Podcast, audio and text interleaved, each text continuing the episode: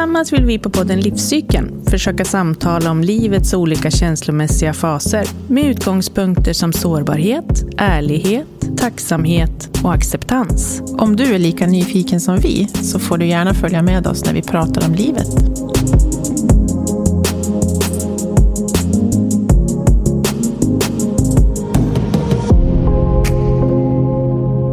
Hej Linda, Hej Katarina! hur är läget? Det är bra. Du är så sommarfin idag, du har kjol på dig. Det var så himla varmt och gött. Mm. Härligt. Nu är den här. Ja. En liten stund, den berömda En sommaren. liten stund. Ja. Mm. ja. Det är lika bra att njuta. Ja, precis. Mm. Det ska vi göra varje dag. Mm. Du, förra gången vi såg så, så hade vi ju Bella här. Mm. Som pratade om, om breathwork. Precis. Mm. Och jag lärde mig uttala det också. Ja, det var ju, det det var ju bara en sån sak. Det var ju bra. Man lär sig någonting varje dag. Ja, Ja. mm, tycker jag.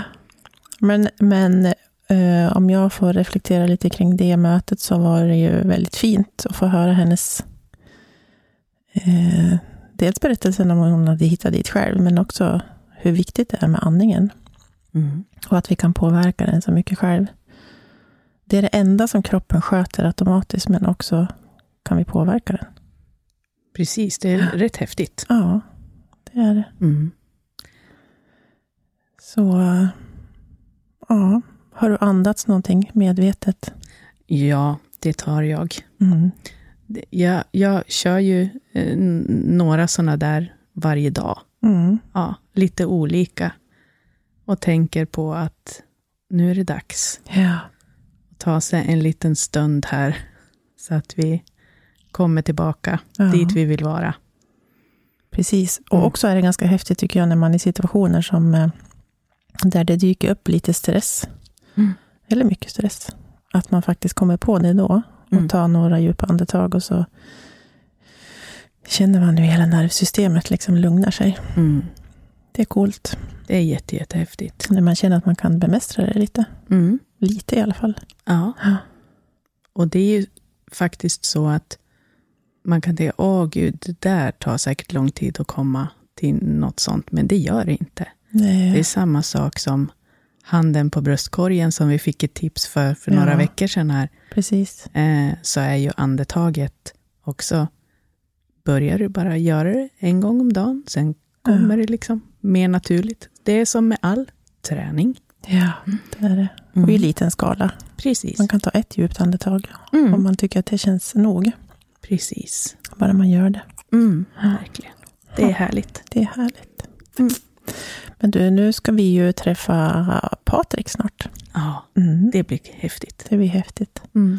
Han kommer att berätta mycket spännande saker för oss, tror jag. Mm. Och för alla som lyssnar. Precis. Mm. Har du någonting att vara tacksam för idag? Och en eh, skön springtur. Mm. Mm. Det var härligt Mycket. i den här värmen. Ja. Så skönt var det. Mm. Mm. Då hade vi nästan samma sak faktiskt, förutom att det var en lunchpromenad för mig. Mm.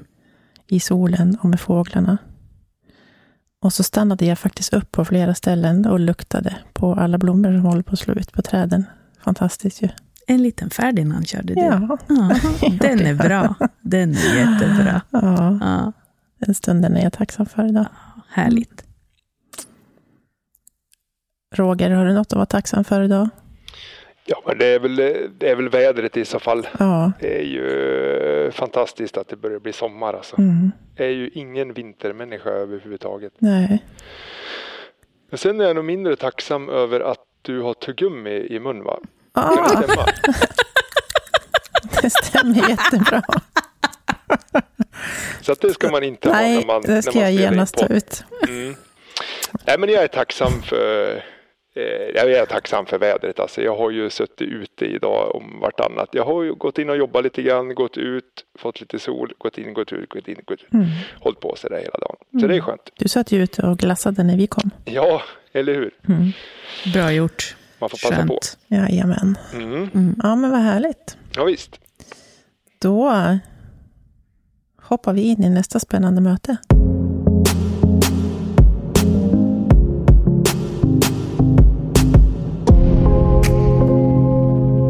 Då säger vi hej till Patrik. Hej. Hej, hej Patrik. Vad kul att du vill vara här. Kul att vara här. Mm. Spännande tycker vi. Mm. mm. Spännande för mig med. Det är första gången som jag är så här i en podd, så det är min debut. Coolt. Mhm. Det var det nyss för oss, oss också. Mhm. Mm. Ja. Så det är lite nervigt, Mm. det erkänner jag. Men det är okej. Mm. Ja, det känns Ja. okej. Det är kommer bra med lite nerv. Ja, jag tror det är bra. Lite fjäril i magen. Så. Mhm. Mhm. Det är bra. Mm. Men du, eh, berätta lite om vem du är. Ja.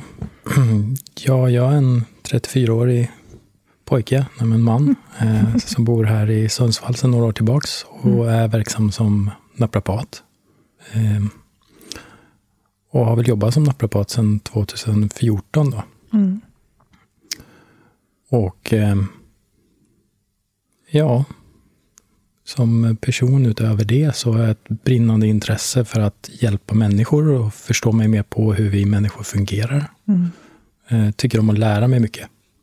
Så på fritiden nu studerar jag en del. Och håller på mycket med personlig utveckling. Just det. Men du, finns det något enkelt sätt att förklara vad en naprapat är? Jag tänker om det är någon som inte vet.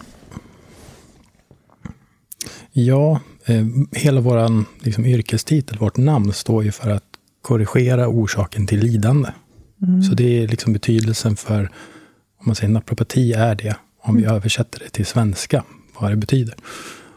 Så man kan väl säga att vår funktion är att korrigera orsaken till lidande. Och det kan ju finnas jättemånga orsaker till lidande. Men vi är verksamma inom det som har mer med muskler, leder, ligament och nervsystem att göra. Egentligen den fysiska kroppen, men mer det som har med rörelseapparaten att göra, än det som har med hjärta, lungor och de inre organen att göra. Mm. Så, så det vi gör är ju att vi träffar dagligen folk som söker främst för smärta i kroppen. Just det. Jag har ju haft förmånen att få jobba tillsammans med dig i några år. Ja, Tack för det. precis när jag var min debut här uppe så, Ja. så jobbar vi tillsammans. Precis. Och vi har haft jättemånga spännande samtal om inte bara kroppen, den fysiska kroppen, utan mycket annat också. Det stämmer. Så jag tänker att eh, i min värld så kanske inte du jobbar precis som en klassisk eh, naprapat gör, utan du plockar in lite andra saker också i, Det stämmer det också. i behandlingen. Vi plockar in mycket annat. Ja. Jag försöker vara 80 procent naprapat, men 20 procent ta in lite annat. Ja. Vad skulle du kalla de 20 procenten? Ehm, ödmjukhet och empati är en väldigt stor del av det. Mm. Ödmjukhet för att i naprapatin så jobbar vi mycket med en fysisk kropp. Men vi jobbar med något som är subjektivt. Smärta är ju subjektivt. Så jag tar in verktyg som gör att jag bättre kan möta personens subjektiva upplevelse och kanske förstå vad som ligger mer bakom att varför har vi hamnat här? Ehm, lite mer holistiskt. Mm. Så, ehm, så, så mer verktyg när det kommer till det mentala, emotionella delar som är kopplat till det spirituella. Och spirituellt för mig är ju då eh, syftet. Man känner sin mening och sitt sammanhang lite grann i sin vardag och i sin tillvaro. Mm. Men när du blev färdig naprapat, hade du den tanken då, eller har det här liksom holistiska arbetssättet kommit under tiden? Med erfarenheten och mötet med alla? Och, Jag, jag tror att jag hade det, eller jag skulle säga att jag hade nog det. Men det var inte därför jag utbildade mig till naprapat. nej. Jag utbildade mig ursprungligen till naprapat för att jag ville jobba med idrottsskador. Eh, Och jag var verksam inom idrott ett tag. Eh, Men någonstans på vägen så kände jag att jag ville göra någonting mer. Jag ville jobba mer med orsakerna bakom den samhällsproblematik vi ser när det kommer till smärta, verk och, och liksom lite ohälsa. Mm. Och jag har själv en väldigt djup reflekterande sida hos mig där jag alltid har reflekterat kring varför jag mår som jag mår och varför hamnar jag där jag hamnar. Och det har nog funnits med redan sedan jag var barn. Mm. Och jag kände att idrottsvärlden handlar mycket mer om att ta hand om och lösa objektiva problem. Nu har vi ett problem i den här leden med den här benbiten som ligger löst. Den ska till den där ortopeden och så ska vi ta bort den. Och så ska vi stärka upp den här muskeln och så ska det funka nu när vi ska springa, sparka på bollen eller så det växte fram ett större intresse för att förstå vad som motiverar personer till att leva, bete sig och göra som de gör i sitt liv. Mm. Och, och, det saknades lite grann i idrottsvärlden. Och, och det blev mer ett fokus på den här fysiska aspekten bara. Så att jag skulle säga att det är någonting som har växt fram, det här intresset för den andra delen, den här icke-fysiska kroppen. Mm. Och, och, ju mer jag lär mig om den, ju mer överraskas jag om hur mycket mer det finns att lära där. Mm. Och det är som idag ämnet vi diskuterar när det kommer till fysiska kroppen och kanske den emotionella kroppen. Mm. Att det är väldigt lätt att vi pratar om smärta som någonting fysiskt. Ja, det är väl det vanligaste. Ja, precis. Ja, mm. men vi glömmer många gånger bort den här emotionella smärtan eller mental smärta, alltså det som inte går att ta på. Mm. Och därför vi vill ofta ha mått på vad smärta är. Hur hög är smärtan? Mm. Vilken omfattning? Men det är svårt, det är en subjektiv upplevelse. Mm. Och precis som du frågar nu var det kommer ifrån lite grann. Jag tror det är det här att jag vill förstå om det är så verkligen att när en person kommer till mig, är det här något rent objektivt jag ska hjälpa dig med? Ska jag göra en behandling nu på plats här? Mm. Som ska fixa det här objektiva felet, det här jag har framför mig, som inte funkar mekaniskt. Eller är det någonting som är subjektivt också? För jag kanske gör en jättebra behandling och den här kunden känner, åh, jag blev ju rörligare, men jag har fortfarande ont. Mm. Så det var nog också ett tillkortakommande hos mig när jag började jobba som terapeut, att jag kände i vissa fall att behandlingen kanske funkar, de fick rörlighet, men de hade fortfarande ont. Och, och, då kände jag mig kanske lite otillräcklig som terapeut och började då även att frågasätta lite grann sättet jag jobbar på och ville förstå. Här i det här fallet blev det jättebra. Den här personen svarar bra på den här behandlingen. Men i det andra fallet, det var exakt samma problem nästan som den här personen hade med den här ryggen eller det här knät. Men den svarar inte bra på behandlingen. Mm. På samma behandling? Precis, på mm. samma behandlingar. Mm. mm. Men när dina kunder kommer till dig, då, känner du att eh, är uttalat innan de kommer till dig att de vet att du jobbar på det här sättet? Är det vissa som blir överraskade om du då börjar ställa frågor till dem om vad de tror att smärtan beror på? Eh, mer än att ja, det gör ont, så att säga.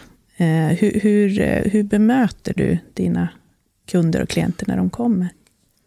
Majoriteten ser mig som att jag jobbar som traditionell naprapat som tittar på den fysiska kroppsdelen. Att det här området gör ont. Den här kroppsdelen känns inte bra för mig. Sen finns det vissa som, som kommer till mig som har fått rekommendation att komma till mig från andra terapeuter eller hört från någon anhörig att han jobbar lite mer åt det här hållet. Mm. Men majoriteten kommer till mig som att jag vore vilken naprapat som helst. Och jag utgår från när jag möter dem att det är det de, de söker. Så jag försöker möta alla mina kunder dagligen i att se det här är det kunden upplever ett problem med. Om det är en rygg eller ett knä. Jag försöker förstå, är det funktionen i knät som är ett problem?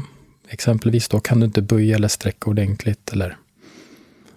Men sen ibland så kan jag uppleva när de beskriver sina problem, om de har gått väldigt, väldigt länge med det, att jag behöver gå in och, och förstå mer vad som ligger bakom.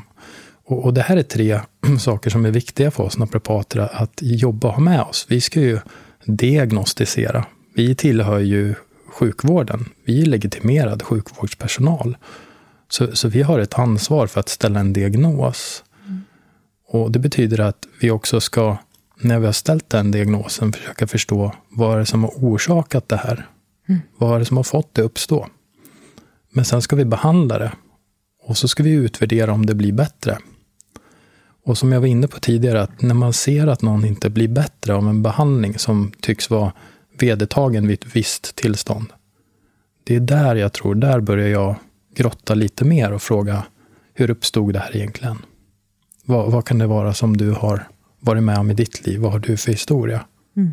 Så jag är inte direkt på dem och, och, börjar jobba med det här stora perspektivet kring eh, dem, det här holistiska. Mm. Utan i början är jag nog lite mer fokuserad på den kroppsdelen. Mm. Och det är nog inte alla som kommer till mig heller som möter den sidan. Utan det är nog vissa som möter den för att man ser ett behov där. Mm. För det är nog viktigt för oss som terapeuter, tror jag, att ha med oss att vi ska finnas där för kunden, mm. för personen framför oss. Och ge vad de behöver. Mm. Men skulle du vilja börja i den änden, liksom alltid? Jag tror att det, det skulle kunna vara gynnsamt att göra det. Mm. Um, och jag kan finna att det kanske vore nödvändigt att göra i många fall, men jag tror också att det är svårare att hjälpa så många som jag då hjälper idag. Att idag så tar jag tio kunder per dag. Och jag tror, skulle man börja ändan att behöva förstå vad som ligger bakom ett problem och gå in mer på djupet, då behöver jag dra ner på mängden personer jag träffar dagligen. Mm. Mm. Alltså kanske hjälpa lite färre, men hjälpa dem mer på djupet. Mm. Så att, absolut, det är någonting jag kanske skulle vara intresserad av på sikt. Mm. Men just idag så så tar jag emot tio kunder och jag försöker skräddarsy lite lösningen efter varje individ. Och, och, det ska man ha med sig att det är inte alla som vill heller ta tag i det som kanske skapar ett problem i deras kropp. Alltså mm. rotorsaken. En del kan känna, jag vill att du hjälper mig nu så jag kan göra det jag inte kan göra idag. Mm. Men jag förstår att det finns någonting mer som ligger bakom det. Men just nu i mitt liv så passar det inte att ta hand om det. Mm. Och då behöver vi respektera det. För min uppgift är ju inte att lösa problem. Min uppgift är ju att guida och hjälpa människor att nå liksom den plats de vill befinna sig på i sitt liv. Mm. Det är välbefinnandet helt enkelt. Mm. Men jag tänker ändå att eh, eh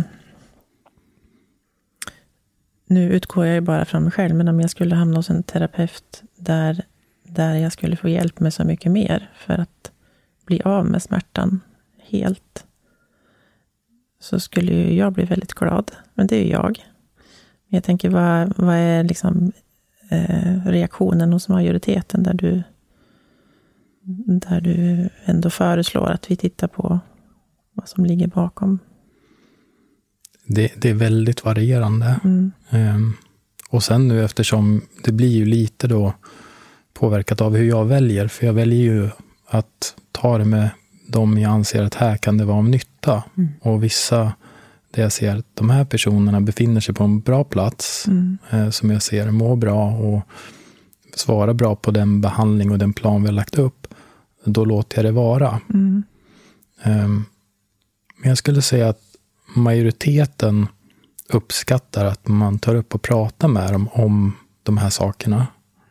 Sen kan det ju givetvis vara så att ibland är det tufft. Mm. Mm. För att eh, det kan vara mycket känslor som kommer fram när man bara pratar om ett ämne. Att jag vet om att jag har haft det här och det här i mitt liv som har gett mig spänningar i nacke eller gjort att jag går runt och exempelvis är lite småspänd i ryggen hela tiden. Mm. Lite orolig, uppstressad. Mm. Och då när man lyfter det ska man ha med sig att det kan vara för den personen som får, får den här informationen från mig, att det här kanske hänger ihop. Att de återupplever det som var obehagligt där på den platsen. Mm. För att när vi tar fram det här minnet som de har av den händelsen, då kan det också väcka en känsla i kroppen. Så, så att det kan bli väldigt obehagligt för en del med och det gäller att ha respekt för det. Så ibland kan det också vara vissa man kan se, den här personen skulle verkligen behöva kanske jobba med de här bitarna. Men det är inte nödvändigt att ta det nu på det här sättet, den här korta tiden. Och ska man verkligen gå in på det, då ska man kanske ta det här i ett annat forum. Mm. Mm. Så jag skulle säga majoriteten uppskattar det. Mm. Men jag väljer ju också, så det blir lite... Precis. Där, den som är mottaglig också. Ja. ja. Skulle vi i dagsläget göra som, vi, som du frågade tidigare, då, att eh, om vi börjar med att alla skulle få det bemötande från början, då Mm. skulle det nog vara lättare att svara på frågan Mm. att ja, vi ser att det är si eller så. Mm. Mm. Ja, men det beror ju på hur långt man har kommit naturligtvis i sin egen resa. Tänker jag. Vad, vad, hur man förstår sin mentala sfär så att säga. Ja, Mm. jag tror det. Och hur trygg man är. Och en sak som jag studerar ju som jag sa tidigare och jag Mm. läser mycket kring det här med hur man coachar patienter, alltså de kunder vi har. Och hur vi ska förhålla oss när vi möter dem. Och en grej som man tar upp återkommande är att pusha aldrig personer till att berätta saker. Nej. För när de är redo så berättar de. Mm. Ehm, och det är min upplevelse också. Och därför kan det vara, är man, kommer man med den känslan direkt, kanske första gången, att jag är medveten om att jag har mycket som händer just nu som kanske hänger ihop med hur jag mår i min kropp. Mm. Då kanske man direkt kliver in och säger, hej du, eh, jag har faktiskt den här situationen i mitt liv just nu. Och den situationen är otroligt obehaglig för mig att gå med. Mm. För den skapar den här känslan och det gör att jag förhåller mig så här till den. Medan andra kanske har varit med om någonting jätteobehagligt och försökt trycka undan det. Och om jag börjar dra i det då, Mm. då var det inte alls vad de kom för. Nej. Så det, vi är lite inne på det där som ni frågar om, att just varför kommer de till mig? Vet Mm. de att jag jobbar så här? Precis. Och som jag sa, att jag försöker ha en otroligt stor ödmjukhet och en otroligt stor empati i, i min yrkesroll. Att försöka möta mina kunder och tala om för dem att det finns inga rätt eller fel Mm. egentligen. Känner du att du vill stanna där och inte vill prata om det här eller du vill fokusera på en sak, då försöker vi göra det.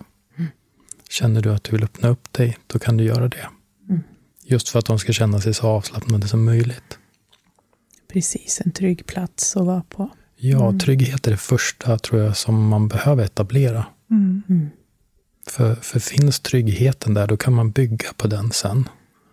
Och det är ofta det som man kanske inte har när man kommer. Att man känner inte att man har en trygghet heller för att man har ju ett hot. Det ska vi ha med oss. Smärta är ett hot. Mm. Man vill bara bli av med det helt enkelt. Ja. Mm. Eller om man tydligare ska formulera det, i alla fall alarmet som säger att du Mm. är under någon form av, av hot. Så. Mm. Mm. Jag tänker att arbetssättet är så fint, tycker jag. Därför att det är ju också... Om man, om man vet att du jobbar på det sättet så kanske... ehm, jag tänker om man går med, med emotionell smärta, om man vet om det, så kanske steget är lite större att ta, att söka, söka hjälp för den känslomässiga smärtan, istället för att söka hjälp för den fysiska smärtan. Att det kanske är lite lättare att, att möta Patrik, för han jobbar med både och. Och då kan man också eh, lägga fram den fysiska smärtan som den första saken. Men ändå liksom, Ja, att det kanske, det kanske känns lite lättare för vissa än att säga att nu, jag mår dåligt i själen. Och det, det skulle jag säga att det är, tror jag också. Eller jag har upplevt att mina kollegor säger det. Att de har pratat med andra kunder som har varit till mig. Mm. Eh, Så jag har fått höra det från dem. Sen har jag några kunder som har yttrat det själv. Att när de vet att man har en förståelse för den biten Mm. så känns det lättare allmänt. Mm. För de behöver inte låtsas vara någonting annat än vad de är eller vara någon annanstans. Utan kommer man och är ledsen och upprörd så kan man vara ledsen och upprörd. Mm. Det är okej. Ja. Mm. ja, och jag tänker att det är väldigt fint Mm. eh, att känna, för det är ju också en trygghet när man vet om det. Mm. Mm. Annars märker man väl det ganska snabbt in i ditt rum, tänker jag. att man är trygg. Mm. Mm. Ja, spännande.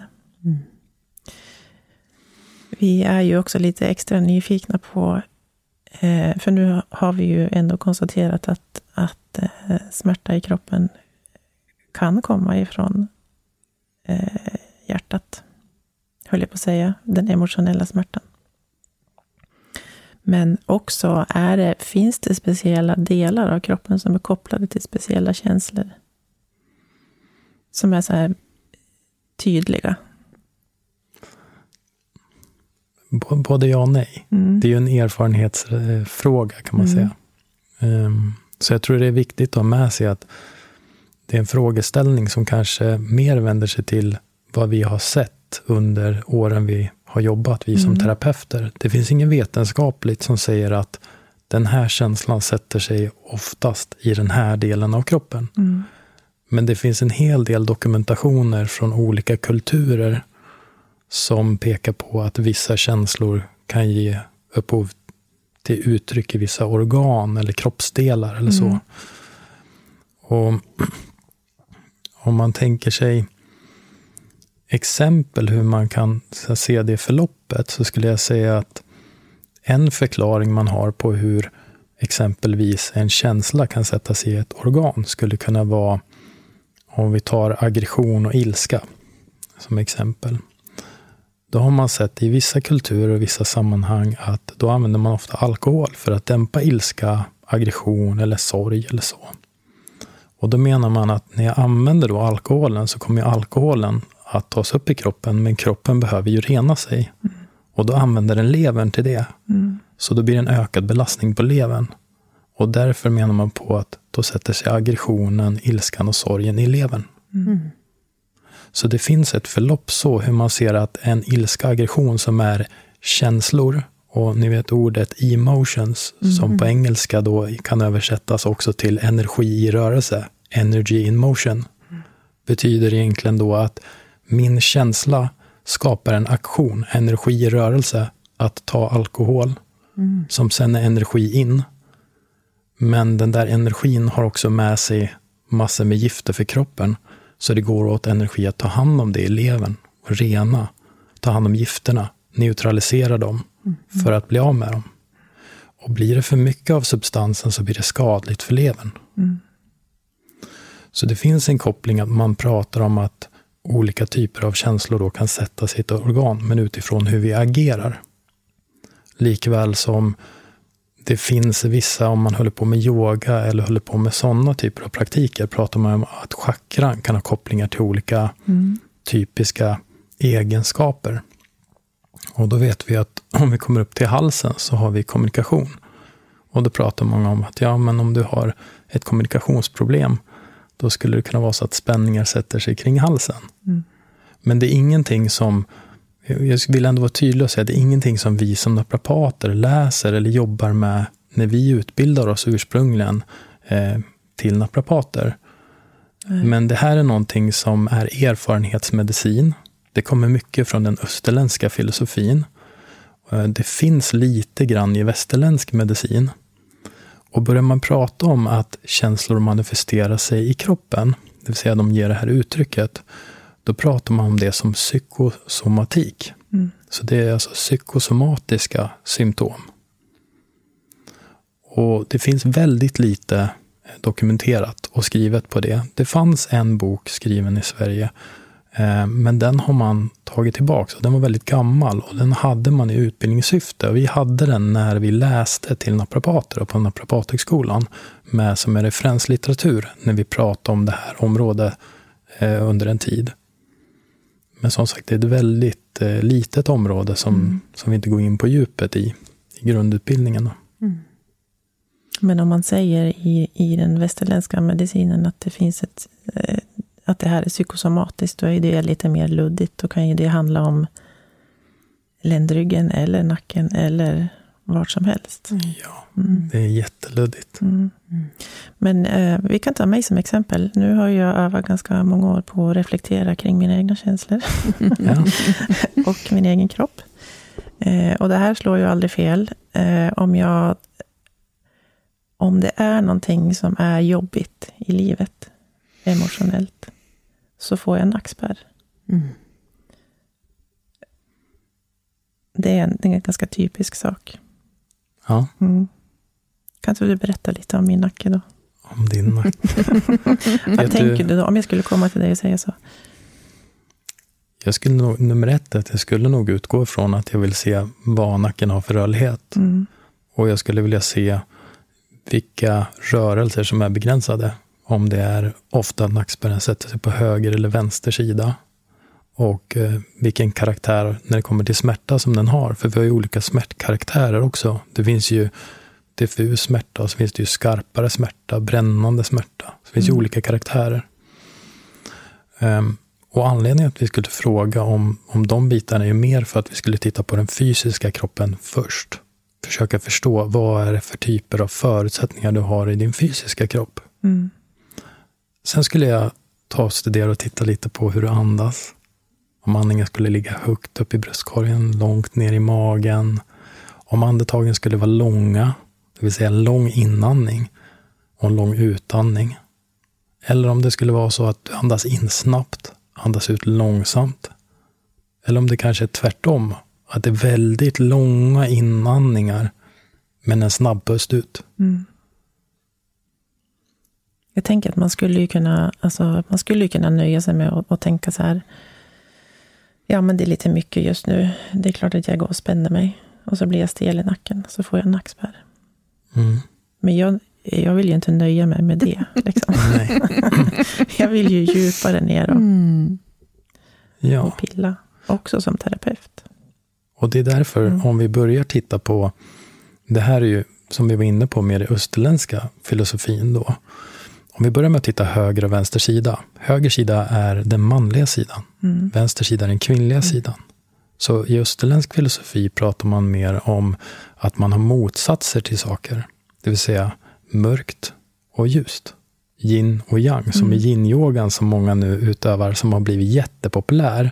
Och yin står ju för lugn, stillhet, återhämtning.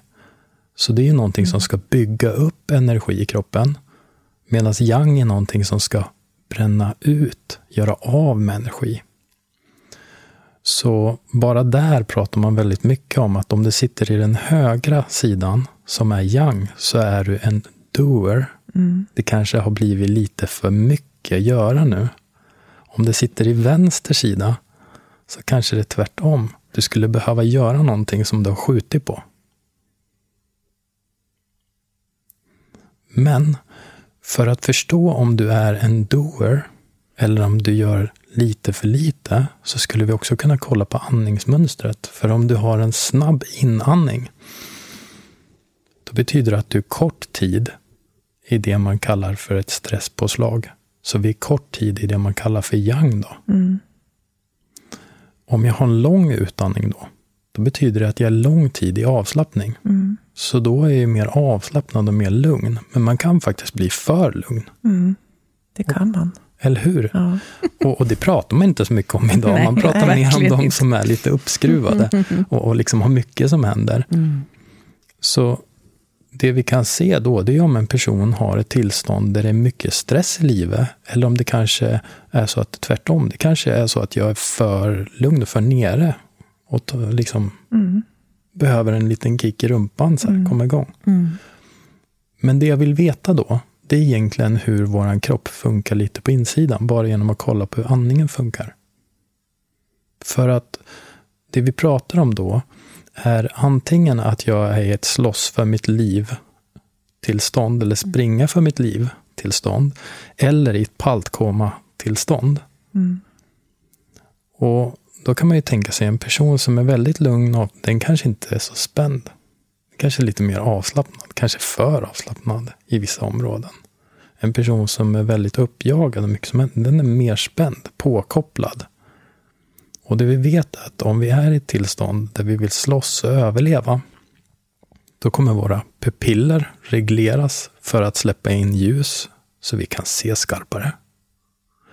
Vår näsa kommer att börja känna doft som rök och sådana saker. Den kommer vara på alerten, så alla sinnen, och vi har ju fem sinnen. Och de här fem sinnena kommer vara uppskruvade. Det är för att leta faror och hot? Eller? Ja, faror och hot. Så då blir det ju så här, om min kropp är inställd nu på att leta hot, då blir frågan var är du rent mentalt och emotionellt just nu? Så din andning är den enda funktionen som är o, liksom viljmässigt styrd. Du kan slappna av, den är automatisk mm. om du bara sitter och gör annat. Men det är också den enda funktionen du kan kliva in och styra själv. Precis. Mm. Det pratade vi om med, precis, med Bella. Gäst, mm, ja. Precis. Och det är så fantastiskt att det är så. Mm. Det var bara ja. det vi reflekterade över då. Mm. Ja. Och, och därför är den ett otroligt bra verktyg för att kunna jobba mellan två världar. Mm. Men med det sagt så vill jag också säga att många pratar så mycket idag om att tagga ner och ta det lugnare och andas. Men jag kan faktiskt använda andningen för att få någon att gå upp mm. i puls om de ligger lågt eller gå upp och bli mer vakna. Och i yogan då kallar man det för coffee breathing. Så då finns det en andningsteknik för det som man kan använda som är som att ta en dubbel espresso. Att man skjuter Aha. upp systemet. Va? Berätta. Mm, ja, det vill vi. Det tipset ja. vill vi ha. Och, och, och, skillnaden är att det, det, är mer snabba, korta inandningar. Man jobbar med, mycket med näsan och så verkligen försöker man dra in luft ganska häftigt och ut. Så det är mer likt en hyperventilering. Mm. Det är mer att man triggar och får in väldigt mycket luft mm. snabbt. Medan om vi vill ner i det här lugna, då vet ni säkert hört det och ni kanske pratar om det, att då andas vi in men det andas dubbelt så långsamt ut. Mm. Mm. Så det finns olika sätt att jobba som man har sett långt tillbaks i tiden i olika kulturer som har stött på utmaningar. Mm. Och på den tiden så använde man sig av olika sätt att utföra övningar för att trigga en respons i kroppen. Mm. Så skillnaden är egentligen om vi tänker nu idag att vi kanske skulle kunna sätta in ett läkemedel på någon och i vissa fall behöver det för att de ska må bättre för en stund. Och vissa kanske under en längre tid, för de befinner sig i en sån situation och har det behovet. Men ibland så kan vi använda en andningsteknik kanske för att få en frisättning rent hormonellt som skapar en förändring i kroppen, en annan känsla. Mm. Um, så att det är väl lite det som jag jobbar med också, att när jag jobbar och hjälper mina kunder handlar det om att hitta tekniker och strategier för de som inte skadar deras kroppar på något sätt och som är lätt att använda och som de kan ta till för att balansera sig själv när de känner att nu kommer den där lilla ångesten och som brukar sätta sig i nacken, som du var inne på, att när det är mm. lite stressigt så låser sig nacken. Mm. Då kan det vara, kan vi släppa på de här spänningarna i nacken? Vi behandlar lite de musklerna, de lederna. Men istället för att säga att du ska gå till gym och träna, så kan det vara, kan du göra den här övningen som tar två minuter att göra på morgonen, vid lunch och på kvällen. Mm. Bara för att checka in med dig själv och då lugna kroppen och tala om för den att du behöver inte spänna där. Väcka mm. medvetenheten. Mm. Så jag tycker det är jättehäftigt, fantastiskt att vi har den förmågan att göra det själv. Och det tycker jag är bra, för då kan vi tala om också för de som vi träffar dagligen när vi jobbar att du är inte beroende av mig. Du kan göra det här själv. Mm. Makten ligger i dina händer. Mm. Så det blir lite att vi på något sätt ger makten till personen. Så att den känner att jag är inte hjälplös. Jag och då kan man känna sig lugnare i det. Och då mm. kommer vi in på trygghet igen. Mm. Att känna sig trygg med situationen. Mm. Det är så himla bra det här tycker jag, för det, det är som så mycket som är återkommande. Vi märker ju det med alla gäster, vi pratar om det nästan varje gång nu efter att ja. det känns som att det knyts någonstans ihop till det där att ja, men det är andningen, precis som du säger Patrik, vad kan vi göra för oss själva?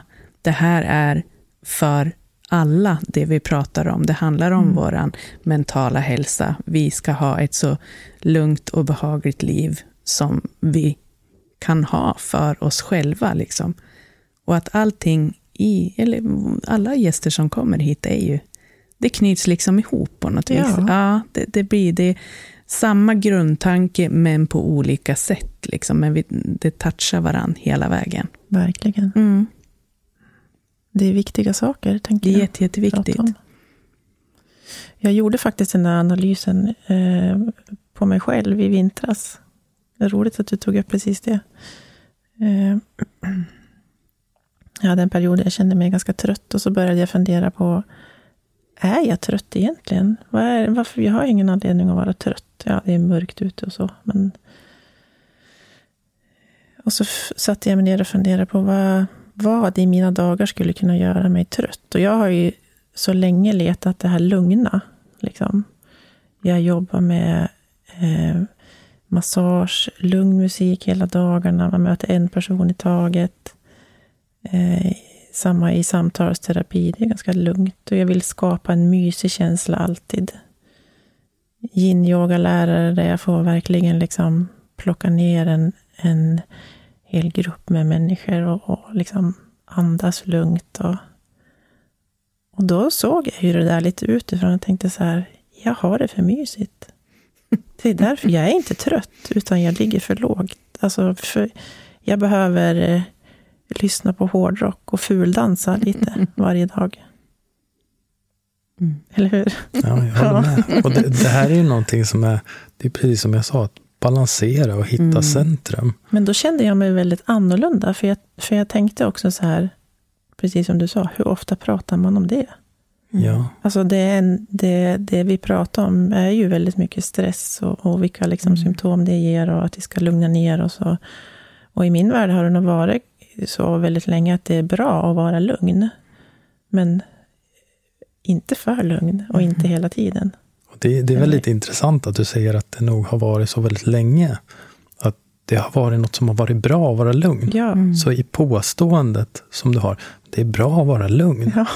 så blir det lite grann att det blir din uppfattning. Ja, mm. helt och hållet. Och jag skulle säga att det är de här uppfattningarna vi har ibland, de här lite lugnerna kanske, kan man väl säga, som vi intalar oss själva. När vi mm. säger till oss själva, det här är bra. Mm. Men om vi märker att våran kropp och våran inre kompass säger att jag mår ju inte bra av det här. Är det då bra för mig? Mm. För vi lever ju i en tid där det finns så många intryck varje dag. Och alla de här intrycken som vi får säger ju, gör si, gör så, det här är bra, det här är mindre bra. Men för vem? Mm. Mm. Och det är precis det du är inne på, att om vi börjar med att först bli medvetna mm. om vad vi har idag i våra liv och hur det får oss att känna. Och vi sen kan fråga oss, är det så här jag vill ha det? Är det så här jag mm. vill känna? Då kan vi ju sen börja titta på, ah, jag kanske vill ha det på det här viset. Vad krävs för att ta sig dit? Och jag tror vi pratar alldeles för lite om just det här med uppfattningar idag. Och jag vet ju att en sak, ni skickade ju några frågor till mig inför idag. Mm. Och eh, en fråga som var lite med där, det var vad den vanligaste orsaken bakom att många söker eventuellt sig till oss som naprapater eller som mig som naprapat och hur jag jobbar. Mm. Och jag skulle säga överbelastningsrelaterade skador. Mm. Mm. För det är inte ett trauma med det någon har ramlat och slagit sig oftast. Eller varit med om en olycka där de har vrickat en fot. Det händer, men det är i majoriteten av fallen inte det. Mm. Och majoriteten av fallen så är det också att man har tränat mm. Mm. eller gjort någonting på ett sätt som man har en uppfattning om att det ska vara bra. Mm. Och när man kommer till oss så vill man att man löser kroppen mm.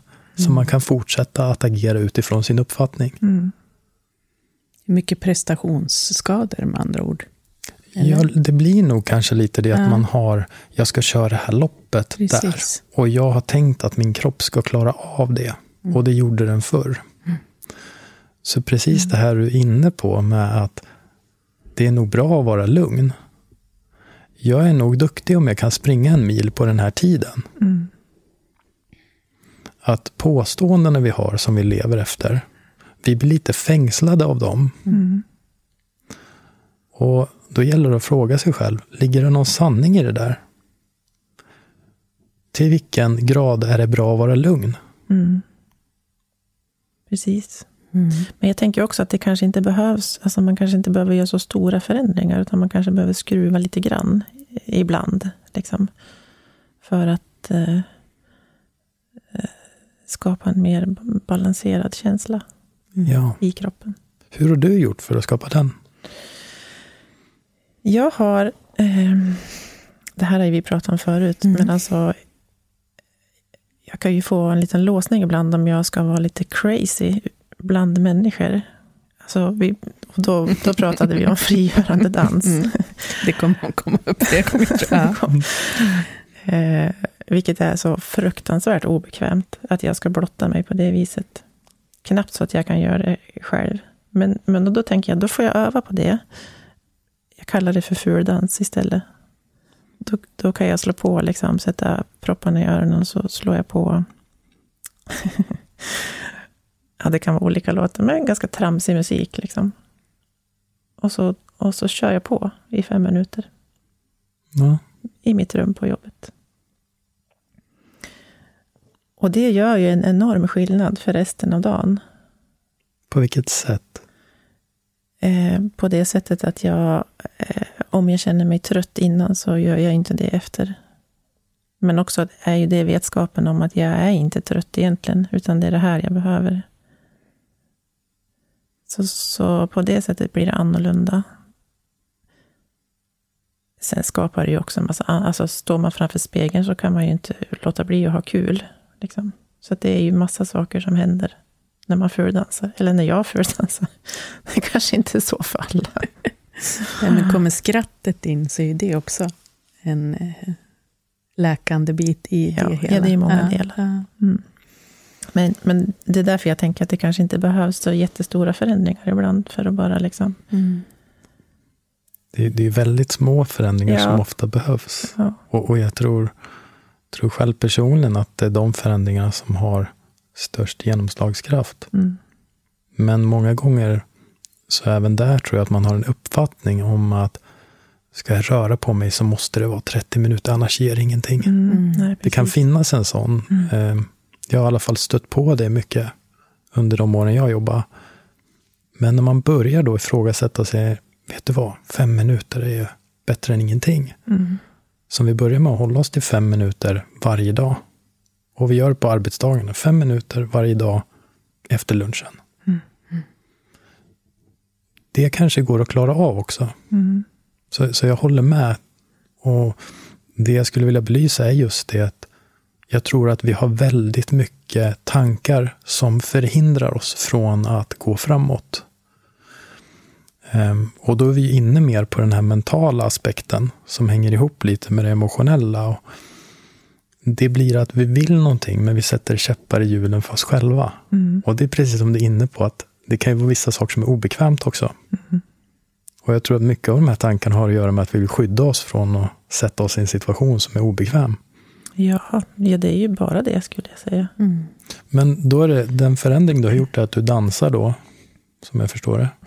Ja, alltså det här är ingenting som jag har schemalagt. Jag gör det inte varje dag, Nej. utan jag gör det när jag kommer på det. Ja. Vad ger det dig för känsla? När du har gjort det, om vi jämför mot innan du gör det till efteråt, förändrar det någonting liksom i din kropp? Nej, men dels så känner jag mig ganska eh, modig. Att jag överhuvudtaget gör det. Ja. Trots att jag är själv. det låter ju jättekonstigt. Nej, det är inget konstigt alls. Eh, och det ger ju en bra känsla, att, vara, att ha mod. Ja. Mm. Mer energi. Piggare. Gladare. Inte så att jag har varit ledsen innan, men det, men det, det ger ju en positiv känsla. När du säger piggare och ger energi, är mm. det mentalt, fysiskt? Liksom är det både energi, tankevärlden och i huvudet? Eller är det mer energi och spring och rörelse och så i kroppen som kommer av det? Nej, det är nog mer i huvudet. Så du blir piggare i huvudet? Ja. Mm. Mm. För det är nog där jag känner att jag är trött. När jag känner mig trött. Jag känner mig sällan trött i kroppen. Att jag inte orkar liksom gå och träna eller röra mig eller stå och jobba. Mm. Inte så, utan mer att jag blir, det blir för lugnt i systemet. Ja. Och då tror jag, jag tänker att det sitter i huvudet. det är intressant ändå att du har valt den strategin, Ja. tycker jag.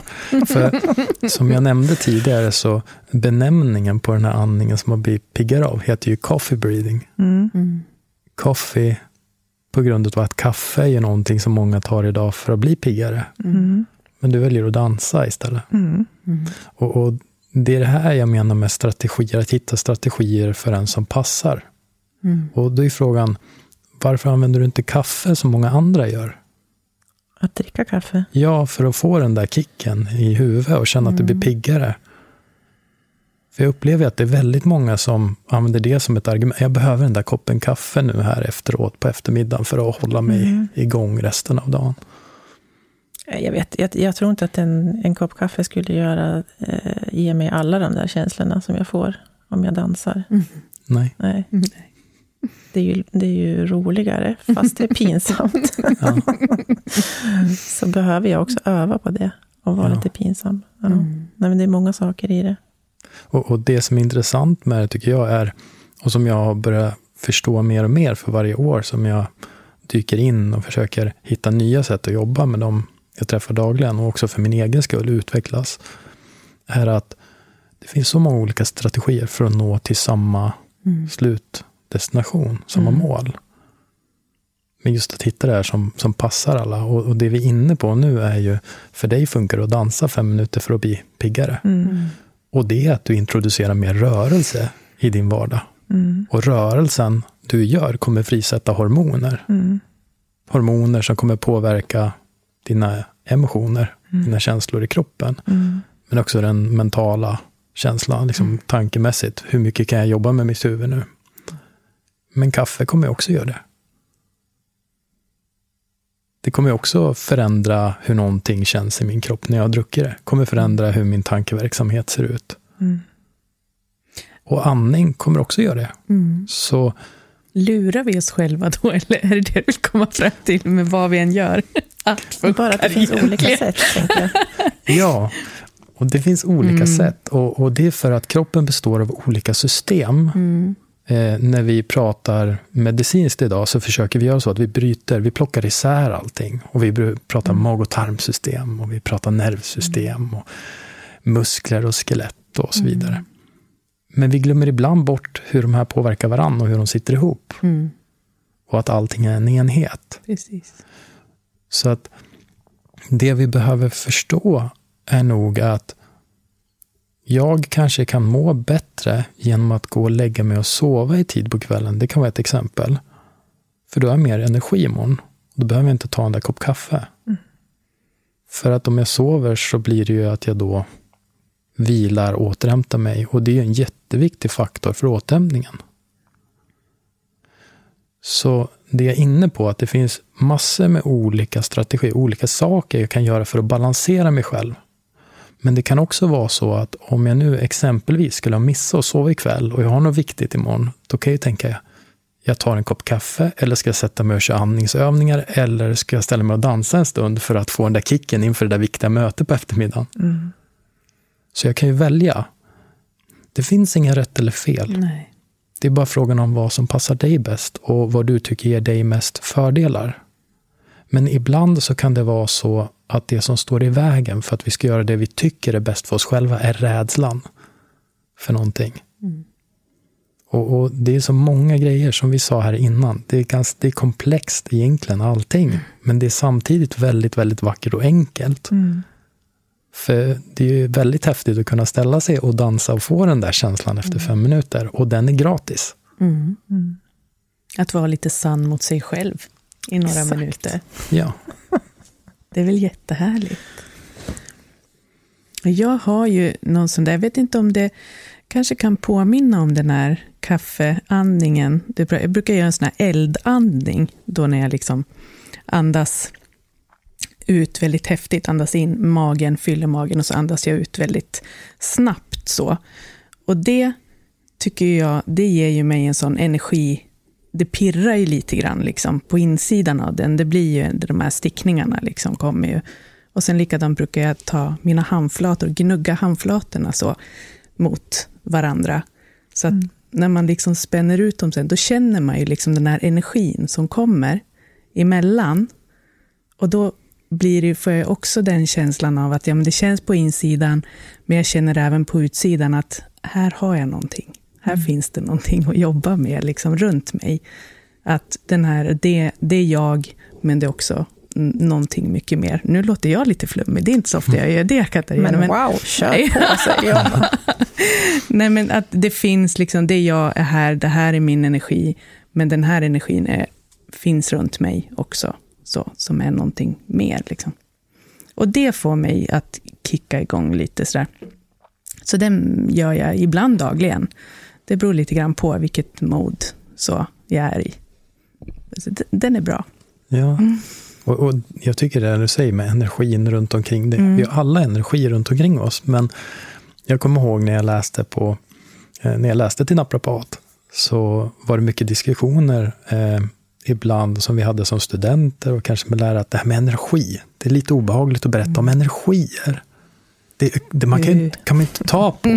Och jag kan hålla med om att det kan vara lite svårt, men i efterhand så har det blivit att jag gått mer tillbaks till att reflektera kring det när det kommer till när vi läser biologi och fysik, redan när vi går i, i skolan, grundskolan och sådär.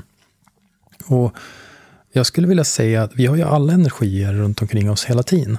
Vi får ju lära oss att vi lever i ett ekosystem.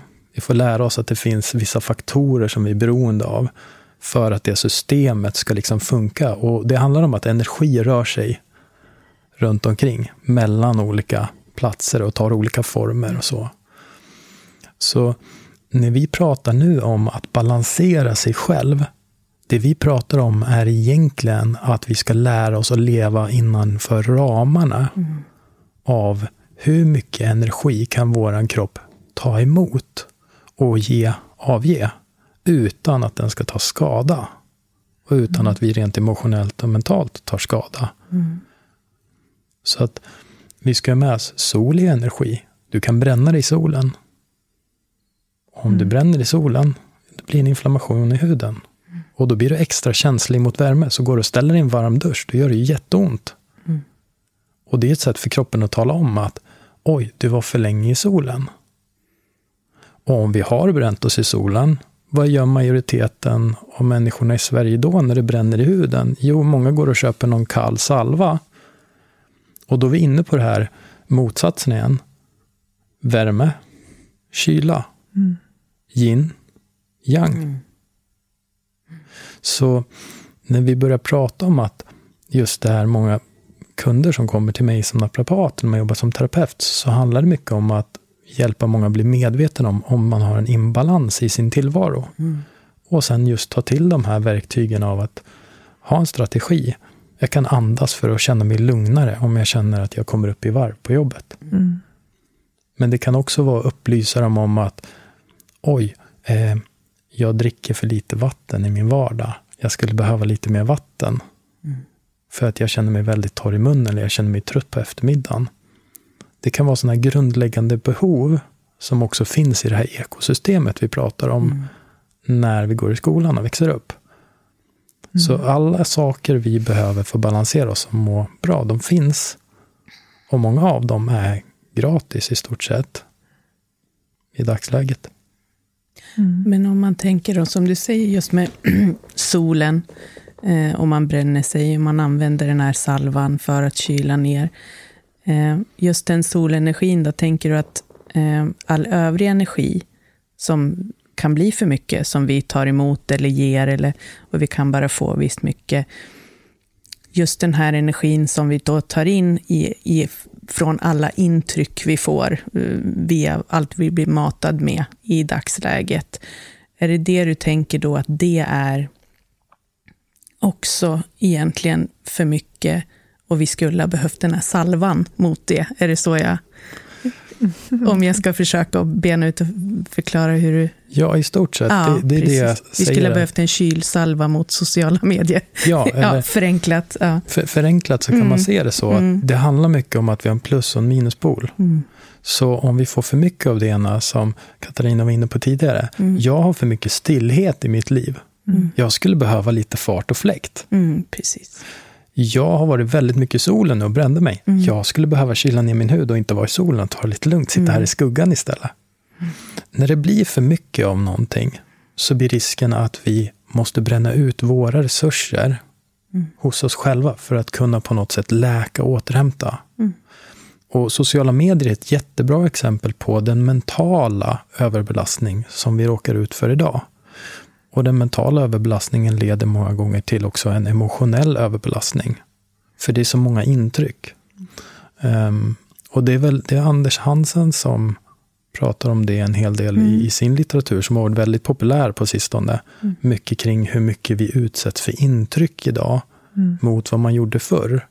Och skärmar är ju ett sånt där typexempel på det. Så absolut. Mm. Att hitta den balansen. Och det är det jag menar med den inre kompassen. Att om du inte mår bra idag, så börja kolla, vad är det jag lägger energi på? Alltså min livsenergi.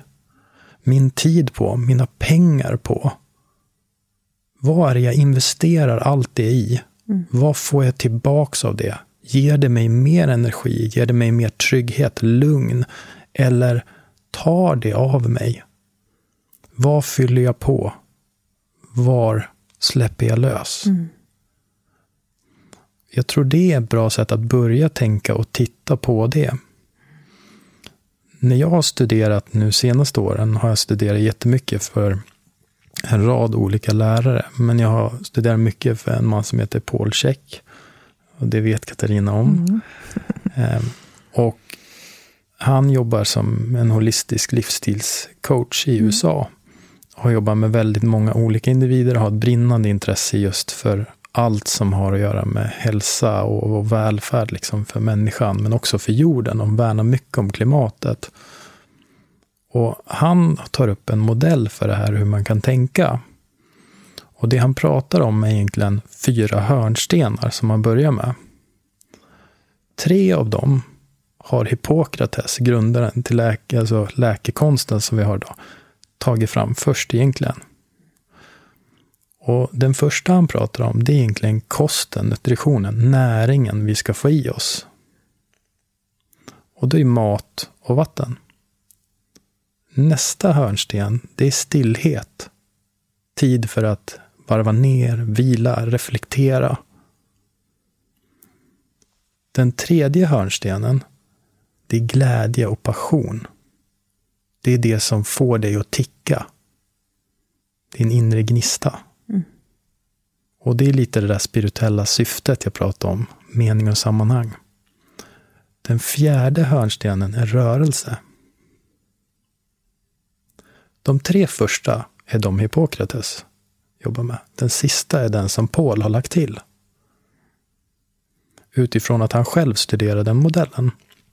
Så senaste åren har jag jobbat väldigt mycket med att försöka ifrågasätta den modellen bland annat, men också se fördelarna i den. För det är det vi gör. Vi försöker hitta ett sätt att göra det till vårt eget också. Mm. Men det jag gillar med den modellen är att om vi ser de här fyra tårtbitarna och så tar vi och börjar med att tänka vad det är för område vi känner att vi har brist på någonting i. Det vill säga, jag kan börja att titta på kost och, och nutrition och tänka, hur äter jag idag? Och inte tänka vad som är bra och dåligt nu utifrån vad som står i media, utan om jag går på toa och pinkar, är det gult eller är det transparent? Är det väldigt gult, då betyder det ju att jag ofta kanske får i mig lite för lite vätska, exempelvis. Eller det är någonting kroppen bryter ner som det blir mer restprodukter av. Så jag behöver se över, kanske vätskeintag exempelvis, eller andra drycker och sånt som jag tar in. Och det kan också vara doften på det. Ibland kan det lukta jättefränt. Samma sak med vår avföring. Hur är den? Är den regelbunden? Är den fast? Är den lös? Och det här är så uppenbart om man pratar kanske med vissa andra professioner. Pratar du med en veterinär om hästar eller hundar så kommer de fråga om det här, om din häst eller hund mår mm. dåligt. Och inom stillhet fråga oss hur mycket sover vi? Hur mycket tid får vi för oss själva? Och glädje, vad, vad lägger jag min tid på som ger mig mer energi, som är kul? Och sen då på rörelse, vad gör jag för rörelse? Och många gånger så vet de flesta vilken tårtbit det är när man lägger upp det så här för dem, som de känner, det här, det är där jag har mest saker som jag skulle kunna ta tag i och göra någonting åt. Och många gånger så ser de också att det här är det område som är lättast att börja jobba med. Det som har förbluffat mig, det är att majoriteten av de som kommer och träffar mig säger att ja, jag vet, jag borde röra på mig mer.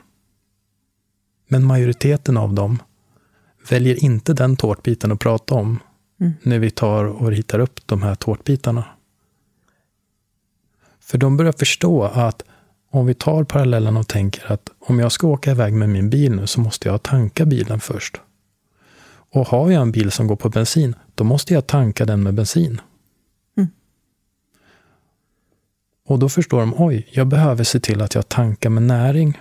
Så jag behöver mat först. Jag behöver vatten först, för då tar jag in energi som vi pratar om nu, då, utifrån naturen och från system, ekosystemet. När den har kommit in sen, så behöver jag ju då låta min kropp få vila och återhämtning så den kan ta hand om det här, distribuera ut all den här energin, flytta ut den dit där den behövs i min kropp. Och det är den uppbyggande fasen i kroppen. Sen efter det, då behöver jag ha haft den där tiden för att reflektera vad jag vill lägga energin på. Och nu vill jag lägga den på någonting som är kul. Mm. Och för att jag ska kunna förverkliga det som jag drömmer om, min dröm, det som jag känner, det här ger en mening, så behöver jag göra en handling och en aktion. Och det är att röra på sig. Så nu rör jag på mig också. Men många gånger så vi vill börja i den andra ändan och röra på oss innan vi har tillgodosett grundförutsättningarna för rörelse. Och det var som jag var inne på tidigare, att vi ser den vanligaste orsaken till besvär är just att man har överansträngt sig. Mm. Man har gått på att börja i den andra ändan. Just det. Kan det också vara att man då också gör det, tror jag, av, av fel anledning, de här prestationerna? Att eh, rent mentalt också, att man gör det utifrån kanske mm, vad som står i tidningarna, om vi nu pr pratar så, att man gör det utifrån eh, hur yta, ut, ytan ska se ut helt enkelt.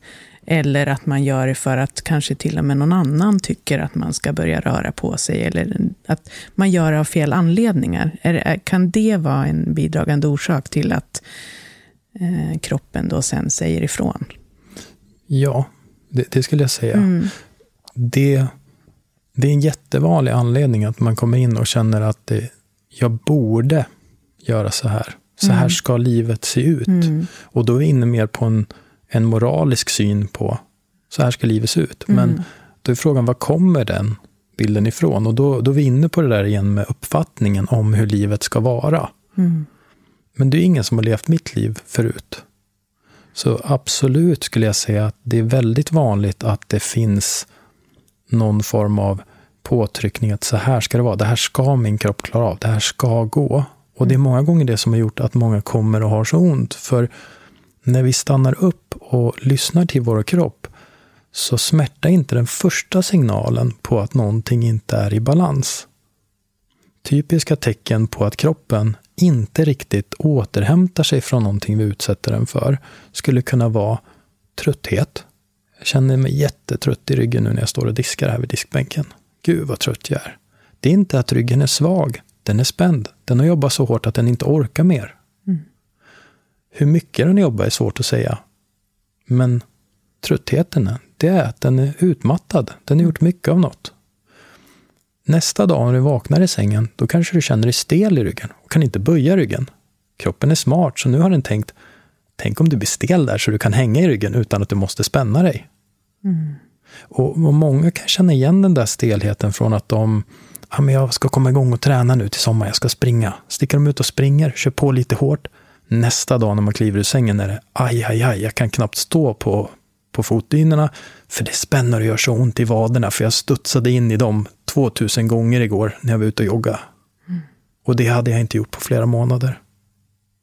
Så smärta, exempelvis, är sånt där typiskt gensvar som kroppen kan få för att säga att nu har du utsatt dig för någonting som är ett hot det betyder inte att något är trasigt. Det kan vara att om du fortsätter så här så finns det en potential att du kan få en skada. Mm. Och första tecknet trötthet, stelhet, sen smärta. Och många gånger kan man motivera till att pressa på, man har den här uppfattningen som du är inne på, att jag vill dit bort. Jag var så här tränad förut. Mitt liv såg ut så här, det kändes så. Så vill jag ha det. Då kan man många gånger använda argumentet, alltså argumentera med sig själv här borta och köpslå för att komma förbi. Ja, men det är bara lite trötthet. Det är bara lite stelhet. Men det kan jag leva med. Och sen kommer smärtan. Och jag skulle säga att många de kör nog på också och säger det, är, det gör ont, men det, det är vanligt. Det, det ska göra ont. Mm. Det gör ont att träna och röra på sig. Och, och, det är inte det att jag säger att det inte ska det, att det inte kan få göra det. Men det är nog det här att känna in sin kropp när det är en sund smärta och en sund varningssignal som jag faktiskt kan ha med mig när jag tränar och förhålla mig till. Mm. Mm. Kontra om jag skulle bara pressa på och utsätta kroppen för någonting som då tar mer energi än vad det ger. Så att det handlar om att balansera de här två sidorna. Att vi har vissa saker som bryter ner kroppen. Och det är egentligen fysisk aktivitet. Om vi utsätter oss för fysisk aktivitet med regelbundna intervall i en lagom mängd och får återhämtningen så bygger det upp oss. Men blir det för mycket, då kan det bli att kroppen inte studsar tillbaka och återhämtar sig. Och typiska tecken på det är den där stelheten och tröttheten. Då. Mm. Så yin och yang alltså? Mm. Ja, eller plus och minus som man vill kalla det. För jag vet ju också att det är lite känsligt det här med mm. när vi kommer in på yin och yang för någon som kanske tycker att den här symbolen, mm. var det någon som satt och kom på den för flera år sedan? Vad är det? Mm.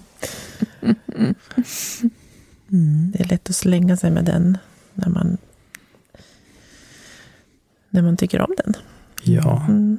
jag gillar, jag har en kollega nere i Malmö som slängde upp en jätteintressant bild, tyckte jag, på hans sociala medier för företaget här för inte så länge sedan. Och då var det en bild på en mobiltelefon som hade laddat ur sig. Mm. Och frågeställning kring den här mobiltelefonen var, du laddar inte ur din mobiltelefon, eller hur? Mm. Så ladda inte ur dig själv heller. Mm.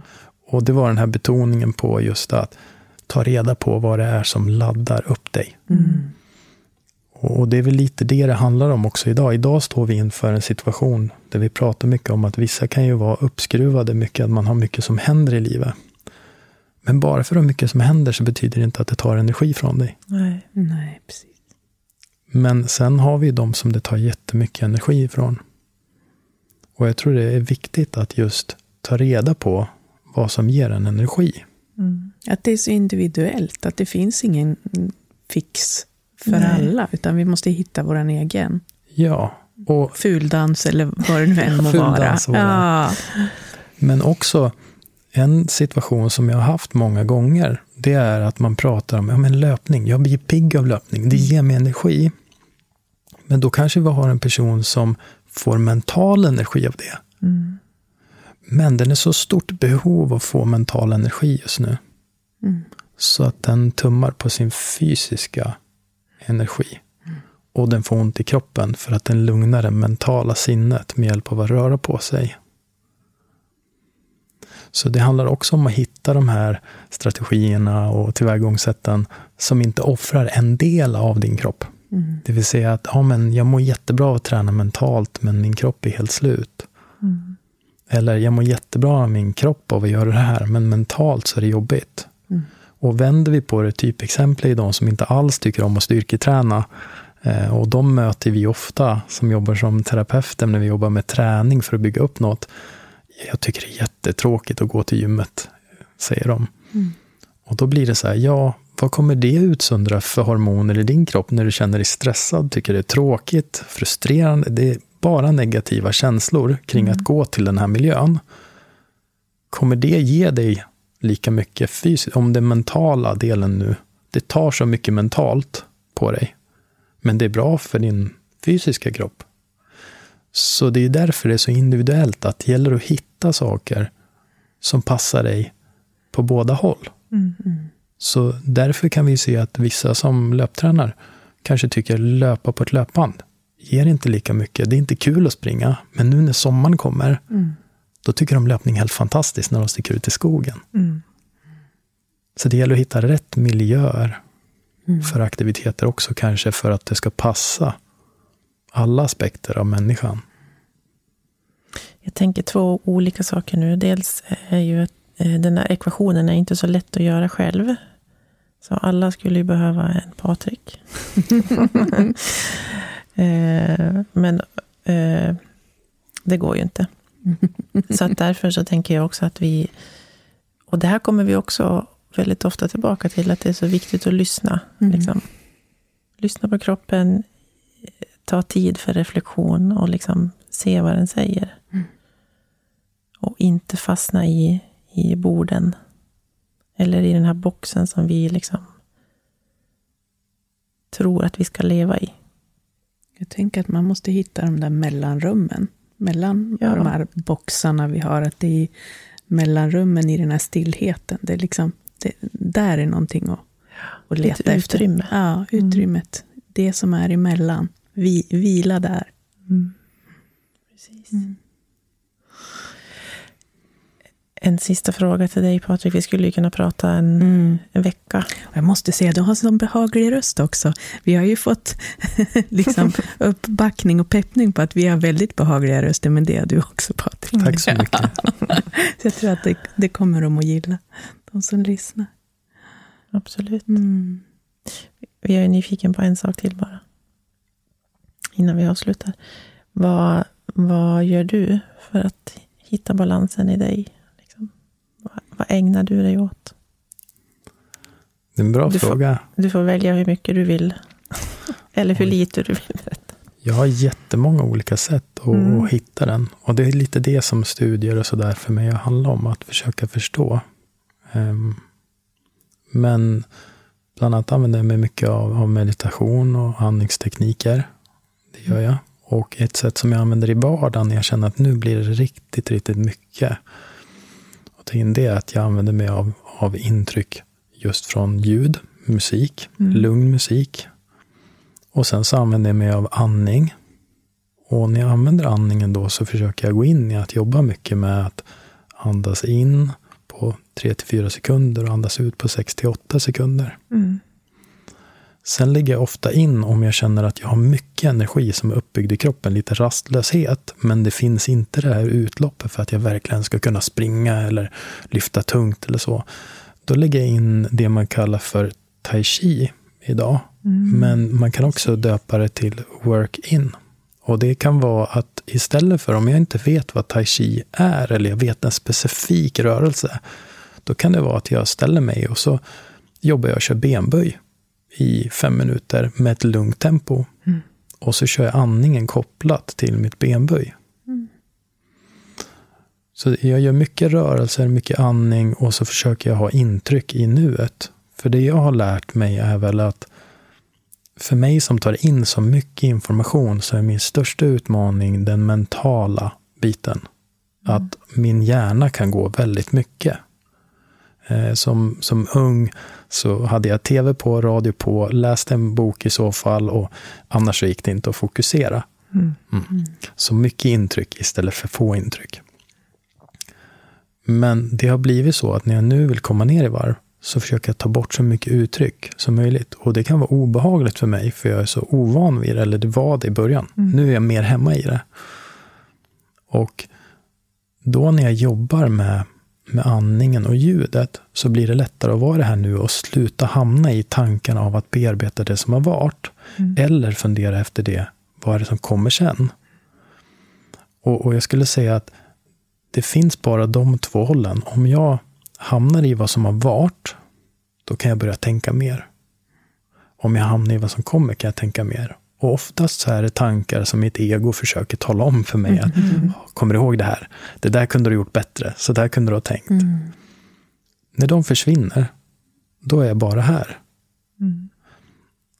Och anledningen till att jag blandar in med kroppen är för att jag har lagt märke till att sitter jag bara still och säger till mig själv sluta tänk, då tänker jag på sluta tänka. Och det är svårt att sluta tänka när du tänker på det. Ja, Så det, det blir lite det jobbigt. är omöjligt kan man säga. Det blir motsägelsefullt. Men när jag jobbar med den här rörelsen, kanske av ett benböj, så blir det att jag känner in min kropp och känner hur gör jag det? Och ibland tar jag blundar, för då känner jag att det blir vingligare. Och då måste jag fokusera på att känna att jag är på väg att vingla mer. Och då blir det svårare att tänka också. Mm. Så jag tar in distraktioner i miljön som mina sinnen måste jobba med. För att jag inte ska kunna tänka på andra saker. Det låter som mindfulness tycker jag. Det är mindfulness. Mm. Men det intressanta är att om vi går tillbaka och tänker som i, i tai chi, det är mindfulness fast aktiv mindfulness. Mm. Och det står till och med nedskrivet i gamla skrifter att det är så. Mm. Eh, och så man använder det mycket. Och, och, i utbildningen som, som jag har läst de senaste åren så har det varit mycket fokus på att just man ska ha både det här stressa ur systemen när det behövs, alltså träna hårt när det behövs, men mm. komma ner i varv. Skulle det vara så att man har en dag det är jättestressigt och det där inte funkar, då gör jag en annan sak. Då går jag ner i gymmet och så på fem till tio minuter så tar jag i allt jag har. Mm. Mm. Då går jag åt det andra hållet så att jag frisätter en större stressrespons i min kropp för att sen komma ner. Mm. Just det. Och det är de gångerna när jag känner att det är så mycket som sitter i kroppen kring stress, obehag, att man har nästan den här lite känslan av att fly för sitt liv. Man vill springa, kämpa och jag vill bara få bort den och jag känner den här lilla rastlösheten. Men det är viktigt att det är bara en kort tid. För många gånger när man har haft den stressen, i alla fall jag, under den dagen, så har jag varit stressad kanske under en längre tid i min kropp och känt att jag ska hinna med och göra och fixa. Så jag klarar inte av att träna länge eller röra på mig. Det är bara en kort för att få den här lilla upp och sen ner. Mm. Så jag får ett avslut på det på den dagen och så mm. börjar man återhämta sig. Och det är det sättet jag tycker funkar. Sen har jag mina, mina symptom, eller vad man ska kalla det, som kommer. Jag har ju inte nackspärr, men jag får en liten ryckning i mitt vänsteröga som kommer jättetydligt när jag kanske sovit dåligt eller jag har stressat på jobbet lite mm. för mycket eller har tagit på mig för många projekt. Och mm. Sådär. Jag försöker tänka på de där sakerna ibland som, som små kompisar också. För att de säger ju faktiskt något om man lyssnar på dem. Mm. Verkligen. Och de är otroligt tacksamma när man ser dem som vänner. Mm. För, för det är det jag upplever att många gånger ser vi smärta som en fiende. Mm. Och jag brukar säga det till många som kommer till mig. Att om smärta nu är någonting som är bara dåligt. Om vi skulle ta, gör liknelsen att smärtan är ett brandalarm. Och den sitter uppe i taket hemma. Och nu skjuter den. Det är rök, det brinner i ditt hem, men du vill inte ha ont. Vet du vad? Vi tar bara ner den och så går vi ut så blir det nog bra. Eller vad mm. tror du? Mm. Och det är just för att göra det så tydligt att smärtan är din vän. Det är som brandalarm hemma. Det försöker skydda dig. Mm. Dina signaler, ryckningen i ögat, nackspärren. Mm. Och många av de lärare jag haft, de kallar ju just smärta för pain teacher. För de kallar det för läraren. Du ska mm. lära dig någonting av den här motgången. Mm. Så om vi ser smärta, trötthet, alla de här grejerna som våra vänner och vi mer försöker lyssna på dem istället för att tysta ner dem. Mm. Då tror jag absolut att vi kommer kunna må bättre. Mm. Ge dem lite tid. Mm. Ja. Alltså i form av reflektion. Ja, och sen vara ödmjuk och ha en medkänsla för dig själv. För att mm. Du kan göra så mycket, kan du känna så att jag ska lägga om det här i mitt liv, jag ska göra det här, jag ska bli en bättre version av mig själv. Men det kanske är så att istället för att tänka på allting du ska bli och hur mycket bättre du ska vara, försök att jobba på att må bättre. Mm. Och då är det just de här små sakerna. Det ska inte vara att du försöker lägga in eller förändra något i ditt liv som skapar mer stress, mer jäkt. Det vill säga att jag mentalt tänker mer jag känner emotionellt ett obehag. Jag känner mig otillräcklig eller så, utan när du förändrar någonting i din tillvaro så ska det kännas som en liten, liten, liten, liten förändring som inte tar för mycket av dig. Mm. Så förändringarna får inte skapa mer obehag och mindre välbefinnande när du inför dem. Mm. För då är det mindre sannolikhet att du kommer ha kvar dem sen på lång sikt. Mm. Eller prestation, tänker jag också. För det, mm. även, även om vi skulle välja att meditera två minuter om dagen och det är en fin sak så kan ju det bli en prestation om vi är Mm. obekväma i det. Absolut. Mm. Det är som vi pratade om hjälpa då. yogan också, förlåt nu avbröt jag dig. Men det, det är när vi pratar om yogan där också, just i, i att andningen kan bli en prestation, har vi pratat om ja. innan också. Mm. Att, eh, vi hel, och vi hamnar ju ofta där, människan överlag, i prestationen. Mm. Och därför tror jag det är viktigt att, som vi var inne på lite och återkommit till, att jobba med medvetandet. Och, och jag gillar verkligen, eh, det finns många mm, liksom personer som är specialister och jobbar mycket med bara andning. Men det de lyfter är ju det här att vi kan jobba med att andas medvetet. Mm. Men vi kan också medvetet andas. Mm. Precis. Och när vi andas medvetet så är det att vi är medvetna om hur vi andas. Det är första steget. Bli medveten om, okej, som vi var inne på i början. Håller jag andan när jag sitter och fokuserar på det jag har på skärmen nu? Hur ofta gör jag det? Okej. Och så checkar man in lite senare efter man jobbat ett tag. Håller jag andan nu igen? Och för en del kan det vara, gud, jag suckar jättemycket hela tiden. Att bara lägga märke till det och börja där. För vi kan vara så inriktade på att vi analyserar och åtgärdar istället för att observera. Mm. Så börja med att observera först utan att döma. Mm. För dömer du, då är vi inne i analys och då är vi inne i åtgärd. Så mycket tror jag handlar om att just bli medveten först om vad vi gör. Mm. Hur det känns. Och det är den här lilla stunden att checka in med oss själva. Mm. Och om vi blir det, då behöver det inte ligga en prestation i det. Så fint. Mhm.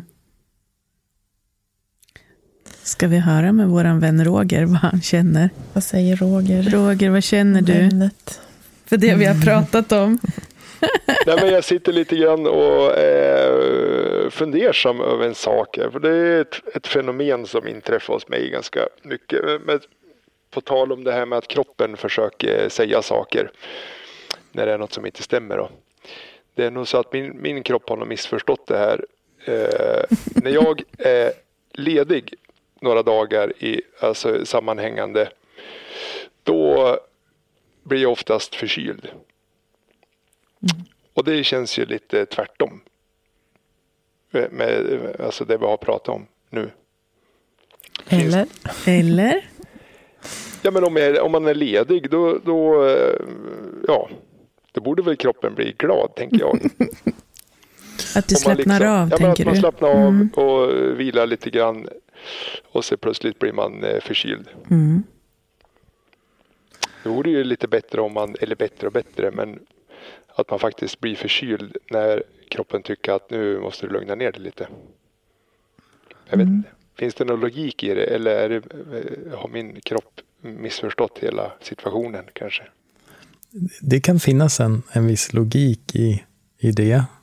Ehm, det är många som, som faktiskt pratar om det och det var, det var väldigt mycket under perioden när vi hade den här pandemin. Att många pratade om, um, jag gjorde själv den observationen att jag hade en period där jag insjuknade eh, och drabbades av covid då. Mm. Och det är så intressant för att det var under en period där det just var det här att man jobbar på någonting, ett projekt. Man kanske slarvar lite grann med kosthållningen och sömnen och så vidare. Och så helt plötsligt så kommer det när allting är klart. Mm. Och det, det som det kan vara i ett sånt här fall, det är att när vi är igång och vi jobbar och vi har en, ett driv framåt, då har vi hela tiden en utsöndring också av olika substanser i kroppen. Och väldigt många känner till dem som stresshormoner. Och de här stresshormonerna, de har också en, kan man säga, en positiv effekt på kroppen när det kommer till att bekämpa vissa tillstånd. Men om vi går med dem över lång tid så kan de förtrycka immunförsvaret också. Och det kan vara så ibland att vi lyckas hålla oss igång, för vi är under ett hot. Vi känner att vi behöver klara av att hålla ut och överleva. Att vi klarar av att hålla oss fram till den gränsen. När vi slappnar av, då klarar inte kroppen att hålla emot längre. Nej.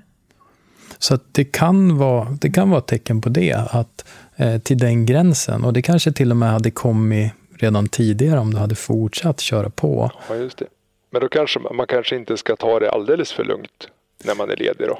Kan man säga så kanske? Jag skulle nog säga att redan innan, in, innan du ens hamnar där så skulle vi nog ha ett, ha ett snack du och jag.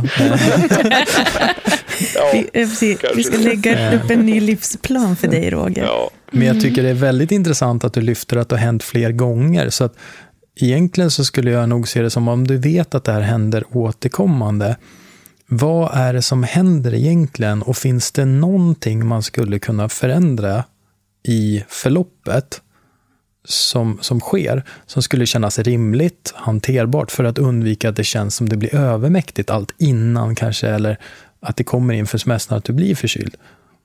Om man tänker, det kan ju vara, hur är sömnen? Hur ser kosthållningen ut? Får du i dig tillräckligt med vätska? Är det kul på jobb eller känns det bara som massa måsten just nu? Att jag ska få undan det här och äntligen ska jag få gå på semester. Alltså hur, hur ser de grundläggande förutsättningarna ut för att må bra? Och att känna, nu kommer semestern, vad kul. Men jag har inte kämpat bara för att känna, ah vad härligt, semester, det där jobbet vill jag komma ifrån. Då tänker du att om man tar hand om sig under tiden, förenklat, så behöver inte kroppen kämpa och det kommer inte att hända. Precis, för att vi har en situation också där vi pratar, vi var inne på det här med att man kan ha mycket att göra, men det betyder inte att jag är stressad Nej. till max i min kropp. Och det har nog att göra med att det jag gör, det är så kul, så vet du vad jag utsöndrar när jag gör det jag tycker om? Mm. Massor med roliga saker, alltså mm. hormoner i min kropp. Men när jag gör någonting som är tråkigt och jobbigt och känner mig stressad, då utsöndrar jag någonting helt annat. Mm. mm. Så det beror på hur jag uppfattar det jag håller på med, hur jag förhåller mig till det. Och det är viktigt att ha med sig att det är inte det du gör som åsamkar den responsen du har i din kropp. Det finns jätteintressant eh, litteratur på det här för de som är intresserade. Mm. Skriven av man som heter Marshall Rosenberg. Eh, inom ett ämne som heter Non-Violent Communication. Och det är en litteratur som jag använder väldigt mycket mot kunder att tipsa om för att lära sig den inre dialogen. Mm. Men också lära sig att ta ansvar för sina egna känslor och för hur man känner för en situation. Dels för personer. För att många kan nog känna igen sig i att man kanske har kört bil i trafiken någon gång och så svänger någon in lite snabbt framför och så säger man Jädra idiot, vad håller du på med? Men om man stannar upp ett tag och tänker efter, de kanske inte menar att utsätta dig för fara, men du reagerar så där nu för att du kände dig hotad och du kände att de hade ingen respekt för att du låg här och tog inte hänsyn till dig.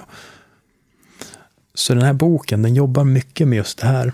Och det finns en sån bok inriktad på mindfulness mm. som har tagits fram ganska nyligen. Okay. Och det finns en sida som heter friareliv.se. Och där finns det massor med litteratur och det är alltså ett svenskt företag som fokuserar på just det. Mm. Så är man intresserad lite mer av det här börja föra den inre dialogen. Mm. Så jag skulle säga, jag skulle rekommendera i det här fallet, om man känner att det återkommande blir att jag blir förkyld, att titta på vad är det för någonting som inte riktigt lirar mm. innan jag kommer fram till semestern.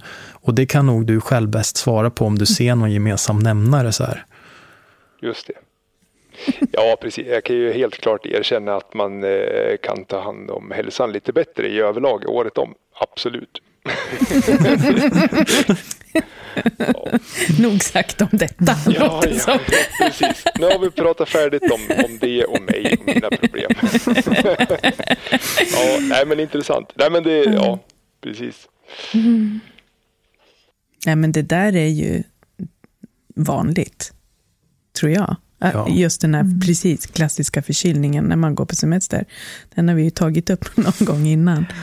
Och jag är ju definitivt en sån person som har haft det så tidigare.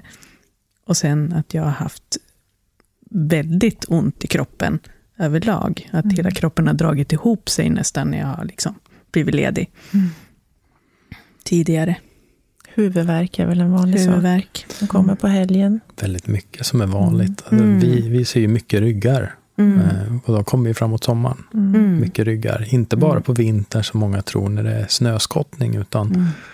Det, det kommer mycket på sommaren också. Mm. Mycket nacke. Mycket är kopplat till att vi, vi ska försöka jobba in den här tiden nu mm. inför att kunna vara borta från jobbet. Men, men jag, som jag var inne på, jag återkommer till det igen, jag tror mycket ligger i uppfattningar mm. kring saker. Att vi tror att vi behöver vara på ett visst sätt, leva upp till en viss nivå i vår vardag.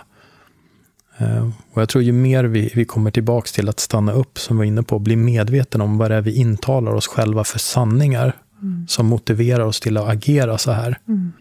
Ju lättare är att börja titta på, är det så här jag vill ha det? Och, och, man kan då också börja ta mer ansvar för vad det faktiskt är jag som har skapat. Mm. Att jag kanske har lagt grunden för de här besvären. Och det är lite det vi är inne på nu när vi pratar också om att man blir förkyld eller sjuk inför semestern. Att kan jag ta ansvar för att inför nästa sommar eller inför nästa ledighet kanske försöka förändra det här. Mm. Och det kan vara, jag kanske tog på mig lite för mycket att jag lovar att göra klart det här innan jag går på semester. Men jag visste redan innan att det var inte rimligt. Och jag hade lite svårt att stå upp för mig själv där. Mm. För, jag, för jag ville så gärna. Men nu fick jag betala för det. Mm. Och då är vi inne på det där igen. Fick jag betala rent mentalt för det, med den energin, eller med den fysiska kroppen? Eller var det båda? Mm. Så att det vi återkommer till mycket är ju medvetenheten nummer ett. Att, att börja med att observera lite grann vad det kan vara som ligger till grunden för att vi hamnar där vi är. Mm. Och, och, känner man att det här är någonting som är svårt att göra själv, ta hjälp av kompisar. Mm, precis, för många prata. gånger så är det ju så här att de runt mm. omkring oss har ju sett. Mm. Och frågar man, du, eh, skulle du kunna ge mig lite tips om hur du upplever, alltså hur upplever du att jag förhåller mig till mitt jobb? Har jag en sund relation till jobbet? Mm. Och då kan det ju vara enklare. Ja, du har svårt att släppa telefon. Eller du vill gärna sitta med datorn, ta gärna upp det.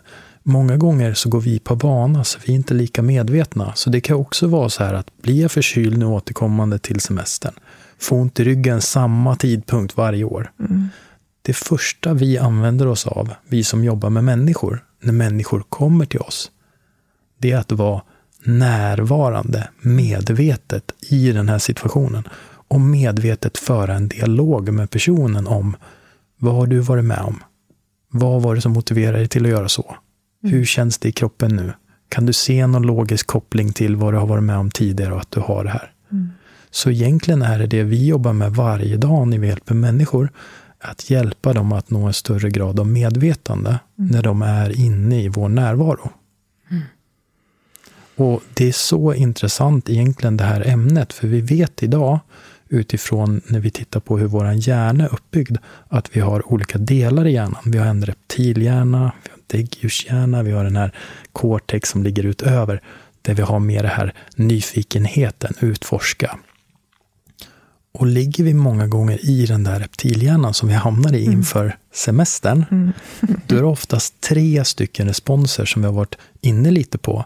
Är jag en person som kommer att springa för mitt liv, slåss för mitt liv eller sätta mig ner och bli helt hjälplös och känna åh, apatisk eller mm. likgiltig. För jag känner det är så övermäktigt nu. Och den här tredje är ju mer den som många gånger kanske hamnar i depressionen också. Mm. Där ångesten blir för stor. Jag kan inte hitta något sätt att förhålla mig till det. Och jag skulle säga, som är mitt jobb, jag jobbar majoriteten av gångerna med smärta i kropp. Men det är mycket som kan kopplas till hur vi har behandlat den. Mm. Mm. Och då är det de här sakerna bakom som ligger och motiverar varför jag har valt att utstå eller utsätta mig för saker som ger mig smärta. Då. Mm. Så börja med att bli medveten. Precis. Första steget, observera. Vad mm. ser jag för gemensamma nämnare mm. på förra gången när jag blev sjuk? Andra gången jag blev sjuk. Skriv ner det på ett papper. Dra streck emellan. Mm. Mm. Du har svaren. Mm. Det är alltid så att man har svaren själv. Det enda vi andra gör runt omkring och hjälper att ta fram dem. Ja, så är det verkligen. Mm. Mm. Det är så bra. Det finns så många som kan hjälpa till. ja. Faktiskt. Men du, men, eh, om man skulle vilja träffa just dig nu då? Ja, jag, jag är verksam i Sundsvall. Mm. Eh, jobbar för tillfället vid en klinik som heter Teamed som ligger i Sundsvall. Mm. Eh, och då kan man gå in och boka en tid via Teameds hemsida exempelvis. Eller så kan man höra av sig till, till Teamed via telefon. Mm. Och vi har ju en, en hemsida, Teamed i Sundsvall, eh, teamed.se har vi. Så där kan man gå in och boka tid med mig. Mm. Man kan också mejla mig. Och det är nästan så att har man frågor och funderingar kring sina tillstånd och det känns som att jag vet inte om jag vågar höra av mig. Då kan man mejla mig istället och skriva lite grann om vad det handlar om. Mm. Vad man känner att det här funderar jag kring. Så svarar jag så omgående som jag kan. Mm. Dock har vi väldigt mycket att göra i dagsläget. Så det kan ta en vecka innan jag kanske hinner svara på ett sånt mejl. Men det är bra då om man uppger ett telefonnummer i så att jag även skulle kunna ringa. För det kan vara lättare att prata ibland än att skriva och ha en skriftlig konversation för att komma vidare i det eller mer konkret känna att man får den där kontakten och kan förstå varandra. Mm. Så då. Och då kan man mejla mig på Patrik med C. Mm. At, eller vänta, Patrik med C. Punkt Norström. At teamed.se.